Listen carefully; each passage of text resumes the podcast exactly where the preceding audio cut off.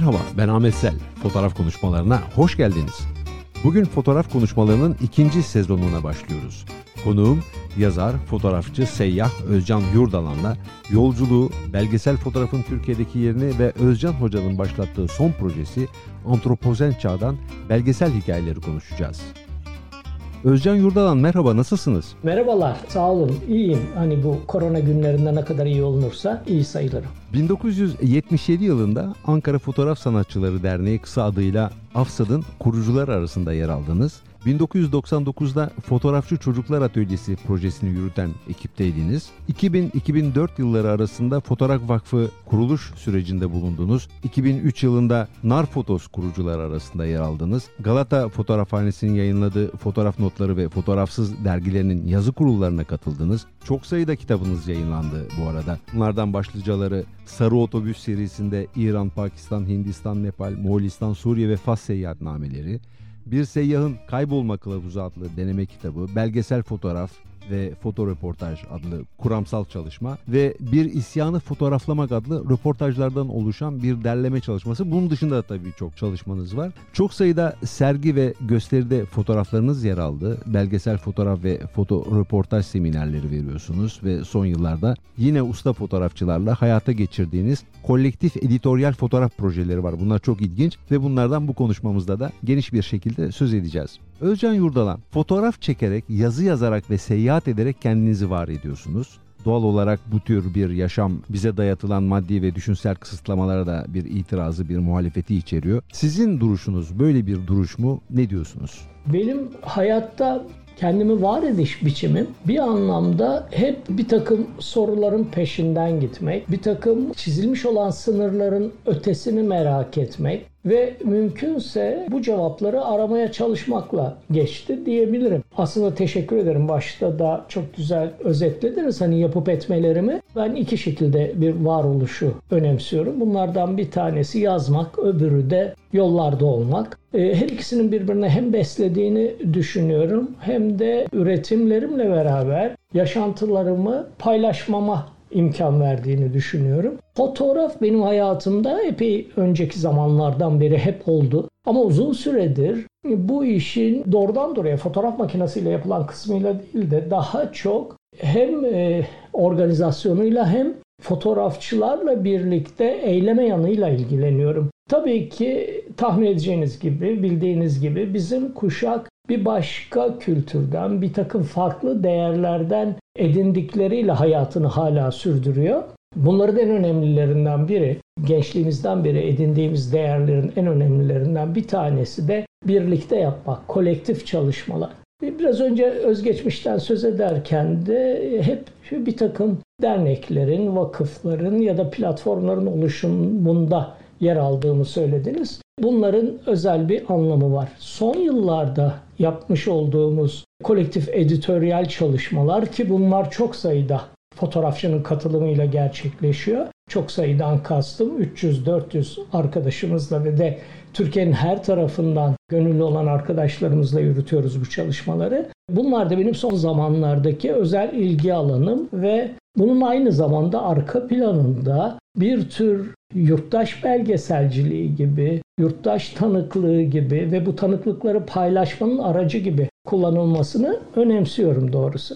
Bütün bunlardan bu konuşmada söz edeceğiz ama ben baştan başlamak istiyorum izin verirseniz. Sizi seyahatlerinizle de tanıyor insanlar. Alışılmış coğrafyaların dışında seyahat ettiğiniz bugüne kadar genellikle. Bu yolculukların da yönü son zamanlara kadar doğuya doğruydu. En azından bölgesel gerginliklerin, savaşların bu işleri engellemesine kadar. Sonra işler değişti. Bu seyahatler size ne kattı? Siz nasıl değiştirdi? Bu seyahatler benim hayatımda biraz geç başladı. Geç başlamasının sebebi malum 12 Eylül'ün hemen sonrasında belli kısıtlılıklar içine düştük. Benim kuşağımdaki pek çok insanlar gibi ve de pasaport alma imkanım yoktu ama hafızamda, aklımda, fikrimde her zaman bizim coğrafyamızın doğusundaki kültürlere doğru gidişler vardı. Bunun başlangıç noktası belki benim ilk gençliğimde ya da ergenliğimde demek daha doğru belki. Sultanahmet'te hayal meyal hatırladığım Magic Bus'lardı. Belki de benim bu içimdeki dürtüyü hareketlendiren şey. Çünkü o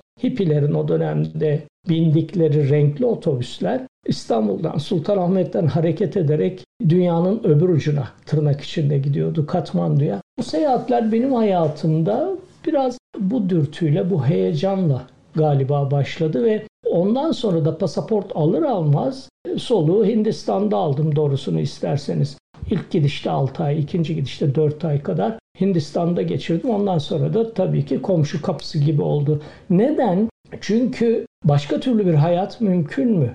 sorusunun peşinden yapıldı bu yolculuklar biraz da. Başka türlü hayat dediğim şey ise bu tüketim toplumunun, kapitalist ilişkilerin ve yarışma kültürünün dışında başka türlü bir hayatı insanlar nasıl yaşıyor? Farklı kültürler var mı ve varsa o değerleri, onların değerleri acaba benim üstümde nasıl etkiler yaratacak sorusu üstünden gittim o coğrafyalara. Bunları toptan bir tanımlayacak olursak benim özellikle ilgimi çeken, var olmaktan haz aldığım ve oralar hakkında kitap yazarak o yolculukları yeniden ürettiğim ülkeler hep güneyli ülkeler. Henüz endüstri toplumunun nüfuz edemediği, o normların hala tam anlamıyla hayat bulmadığı coğrafyalar.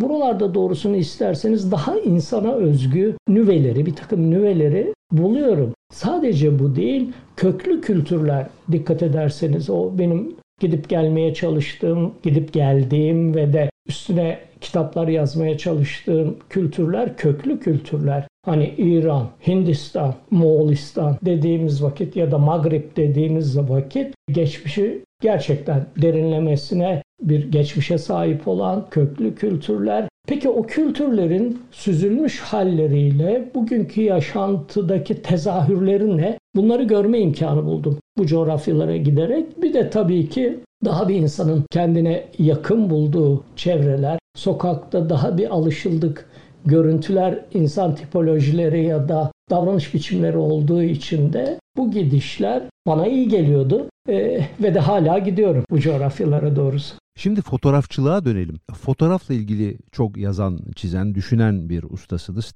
Sizce fotoğraf kavramsal olarak artık Türkiye'de kendine bir yer buldu mu, bir yere oturabildi mi?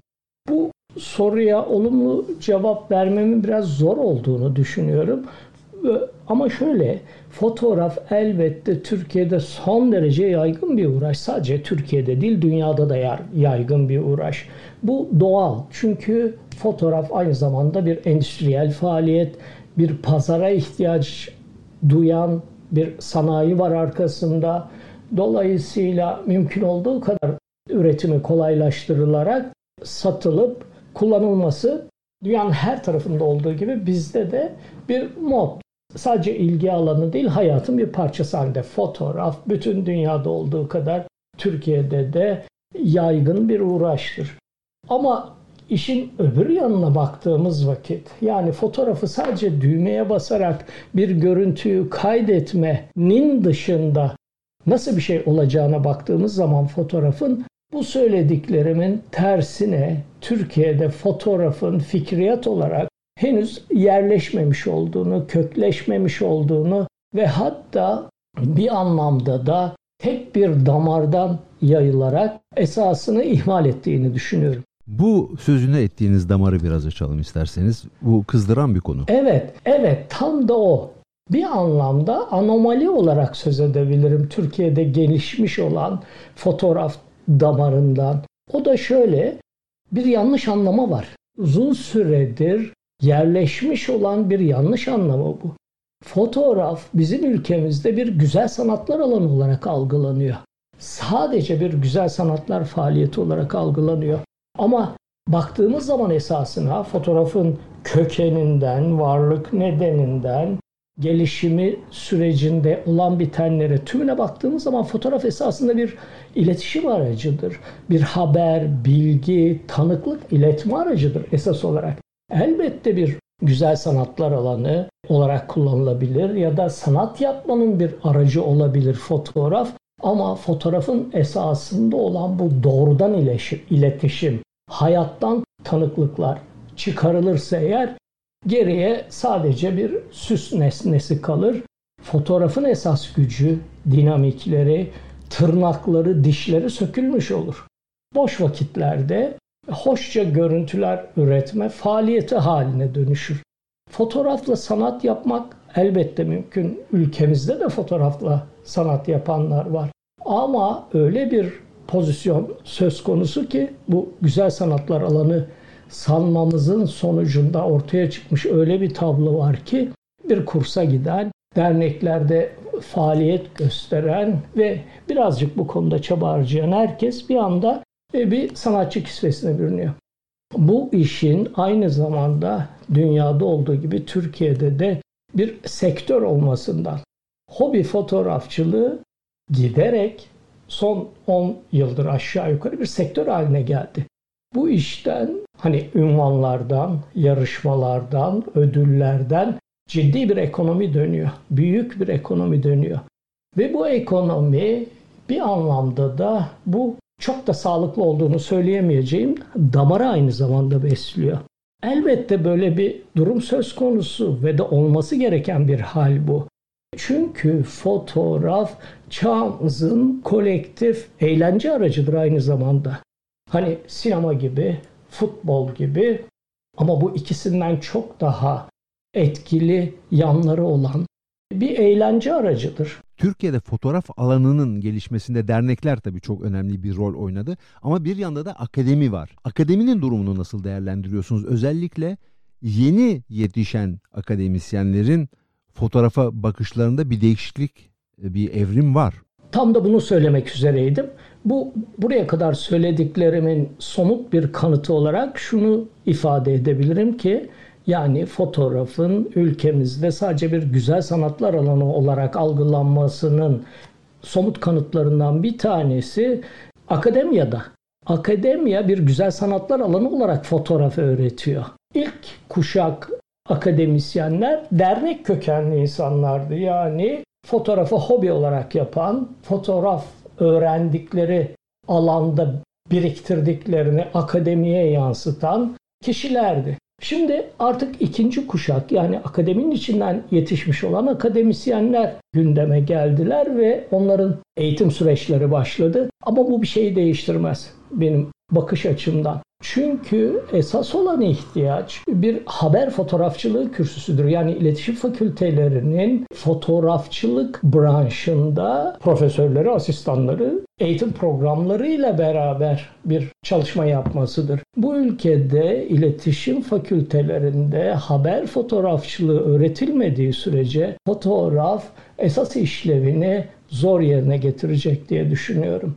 Güzel sanatlar alanı olarak fotoğrafın eğitiminin verilmesi, genç kuşak akademisyenlerin bunu hakkıyla yapıyor olabilmeleri ülkemizde fotoğrafın işlevini hakkıyla gerçekleştirebilmesi için yeterli değil diye düşünüyorum. O yüzden de zaten dernekler akademilerden çok daha etkili ülkemizde. Etkili derken şunu kastediyorum. Verdikleri eğitim ya da derneklerden çıkan fotoğrafçıların piyasada iş bulma şansları ya da yapıp ettikleriyle akademiden yetişen öğrencilerden daha fazla bir performans göstermeleri vaka. Akademiya hala derneklerin kurmuş olduğu platformlarda kendini var ediyor hocalarımız, genç kuşak akademisyenler de dahil olmak üzere fotoğrafa dair kendi bilimsel platformlarını yaratabilmiş değiller. Afsat bir sempozyum yaparsa İFSAK bir çalıştay yaparsa bu derneklerin etkinlikleri sırasında akademisyenler davet edilirse konuşuyorlar. Sempozyumdan bahsettin. Sizin 1978 yılında yanılmıyorsam Afsat'ta düzenlediğiniz bir sempozyum vardı. Konusu da evet. Türkiye'de fotoğrafın toplumsal işlevi. Bu sizin hala meseleniz olarak devam ediyor büyük bir olasılıkla yaptığınız ettiğiniz işlere bakarsak öyle değil mi? Evet tam bu dediğiniz gibi. Çünkü ben hala bu sorunun peşindeyim. Fotoğrafın Türkiye'de toplumsal işlevi nedir, ne olabilir? Tam da zaten bu açılışta sözünü ettiğiniz o geniş katılımlı kolektif editoryal fotoğraf çalışmaları biraz bu soruya günümüz koşullarında cevap arama çabasının bir ürünü. Çünkü e, çok sayıda fotoğrafçı arkadaşımızla biz yaptığımız memleketimden görsel hikayeler gibi, korona günlerinde fotoğraf gibi ya da yeni gündemimize aldığımız antroposen çağdan belgesel hikayeler gibi çevre problemlerine, iklim krizine bakacağımız çalışmalarda bir toplumsal etki, bir e, sonuç elde etmeye çalışıyoruz. Dolayısıyla 78'de yaptığımız sempozyumun başlığı benim kişisel olarak hala gündemimde ve bu sorunun cevabını aramaya devam ediyorum. Şimdi son yıllarda editoryal kolektif fotoğraf projeleri gerçekleştirdiniz. Bunlardan ilki Aykan Özener ve Yusuf Aslan'la birlikte yönettiğiniz, örgütlediğiniz Memleketimden Görsel Hikayeler 2018-2020 arasında. Bir diğeri de korona günlerinde fotoğraf. Şimdi de iklim krizi ve küresel ısınma sorunlarının fotoğraflaması ile ilgili Antroposen Çağ'dan Belgesel Hikayeler Projesi adı altında geniş katılımlı yeni bir proje başlattınız. Bu projeyi konuşalım istiyorum. Neden böyle bir yola çıktınız? Bu çalışma, bu biraz önce sözünü ettiğimiz hani e, ülkede, toplumda fotoğrafın bir karşılığını arama çabası aynı zamanda. Bu yaptığımız üç çalışmada yani Fotoğraf Sanatı Federasyonu TFSF ile memleketinden görsel hikayeler çalışması, daha sonra Fotoğraf Vakfı ve Galata Fotoğrafhanesi ve Nar Fotos'un kadrolarıyla gerçekleşen, organizasyonu bu kadrolarla gerçekleşen korona günlerinde fotoğraf çalışması ve şimdi başladığımız antroposen çağdan belgesel hikayeler çalışması acaba fotoğrafla biz toplumda bir etki yaratabilir miyiz? Bunu böyle söylerken ama şunu işaret etmiyorum. Bu çalışmaların hiçbiri bir sonuç hedefiyle yapılmadı. O çalışmanın kendi süreci, iç işleyişi çok daha önemliydi bizim için. İklim problemlerini çalışacağımız korona günlerinde fotoğraf çalışması da benzer bir faaliyet. Bunun temel birkaç özelliğini söylemem gerekirse en önemlisi birlikte öğrenme faaliyeti olarak algılıyoruz bu çalışmayı. Elbette bir takım iş bölümleri var faaliyetin içinde ama bu iş bölümlerinin hiçbiri mutlak bir belirleyiciliği, hiyerarşik bir yapıyı içermiyor. Yatay bir çalışma platformunda birlikte kararlar üreterek yani süreci önemseyerek hayatımızda giderek daha fazla ağırlığını hissettiğimiz iklim krizine bakmaya çalışacağız. Çalışmanın pratik uygulamasında şöyle bir e, takım adımlar söz konusu. Bir kez bu çalışmaya eli fotoğraf, eli görüntü kaydedebilen, herhangi bir aracı tutan herkes katılabilecek. Ama elbette ki fotoğraf konusunda biraz daha ilgili, konuya biraz daha yakın arkadaşlarımızla birinci derecede onlara ulaştığımız için daha çok sayıda çalışabileceğiz. Bu projeye katılmak isteyenler nasıl bir yol izlemeli? Şöyle oluyor. Daha önceki her iki çalışmamızda genel duyuruyla yapıldı. Fotoğraf Sanatı Federasyonu üyelerine duyuru yaptı. İkinci çalışmada korona günlerinde zaten hepimiz kapalıydık içeride. Kendi imkanlarımızla ulaşabildiğimiz arkadaşlara ulaştık. Her ikisinde de ortalama 400'er fotoğrafçı ve Türkiye'nin her tarafından arkadaşımız katıldı. Bu son çalışmada biraz daha farklı bir çağrı yöntemi izliyoruz. Ben bir söyleşi yapıyorum. Bu söyleşinin adı Antroposen Çağdan Belgesel Hikayeler. Burada iklim krizinin nedenleri, sonuçları ve terminolojisi hakkında bir takım bilgiler paylaşıyorum edindiğim bir takım bilgileri ve sonrasında da dünyadan ve Türkiye'den iklim meselelerini çalışan fotoğrafçıların işlerinden örnekler veriyorum. Bunların arasında Etkaşi de var, Burtinski de var, Salgado da var. Bu çalışma sırasında Türkiye'den de iklim problemlerine bakan fotoğrafçı arkadaşlarımızın örneklerini paylaşıyorum. Mesela Kerem Yücel'in İsli Gelecek, Serkan Taycı'nın İki Deniz Arasında ve Kabuk çalışması, Emin Altan'ın Kaosmos çalışması paylaştığım örnekler arasında yer alıyor. Onların örneklerini gösterdikten sonra da şöyle bir çağrı yapıyorum. Arkadaşlar önümüzdeki bir yıl boyunca benzer bir faaliyette bulunacağız. İlginizi çekiyorsa buyurun gelin beraber çalışalım diyorum bu şekilde katılacak arkadaşlarımız ne yapacaklarına dair bir bilgi sahibi oluyorlar ve de ondan sonra da bu ayın 11'inde ve 12'sinde başlayacağımız ilk grup çalışmasıyla beraber etap etap çalışmaya dahil oluyorlar. Bu çalışma sadece bir fotoğraflama çalışması değil ama içinde e, birlikte öğrenme dediğimiz faslı gerçekleştireceğimiz gerek antroposen konusunda bilgi biriktirmiş olan bilim insanları, iklim aktivistleri, konunun ilgilileri sunumlar yapacaklar ve bizi bu konularda bilgilendirecekler. Ama bunun yanı sıra fotoğraf tekniğini geliştirmek ve fotoğraf dilini daha iyi hale getirebilmek için de katılımcıların bir takım seminerler geliştireceğiz. Yani sadece fotoğraflama değil, aynı zamanda birlikte öğrenme ve birlikte eyleme faaliyeti olacak. Özcan Yurdalan fotoğraf ve seyahati hayatınızdan çıkarsaydı geriye ne kalırdı?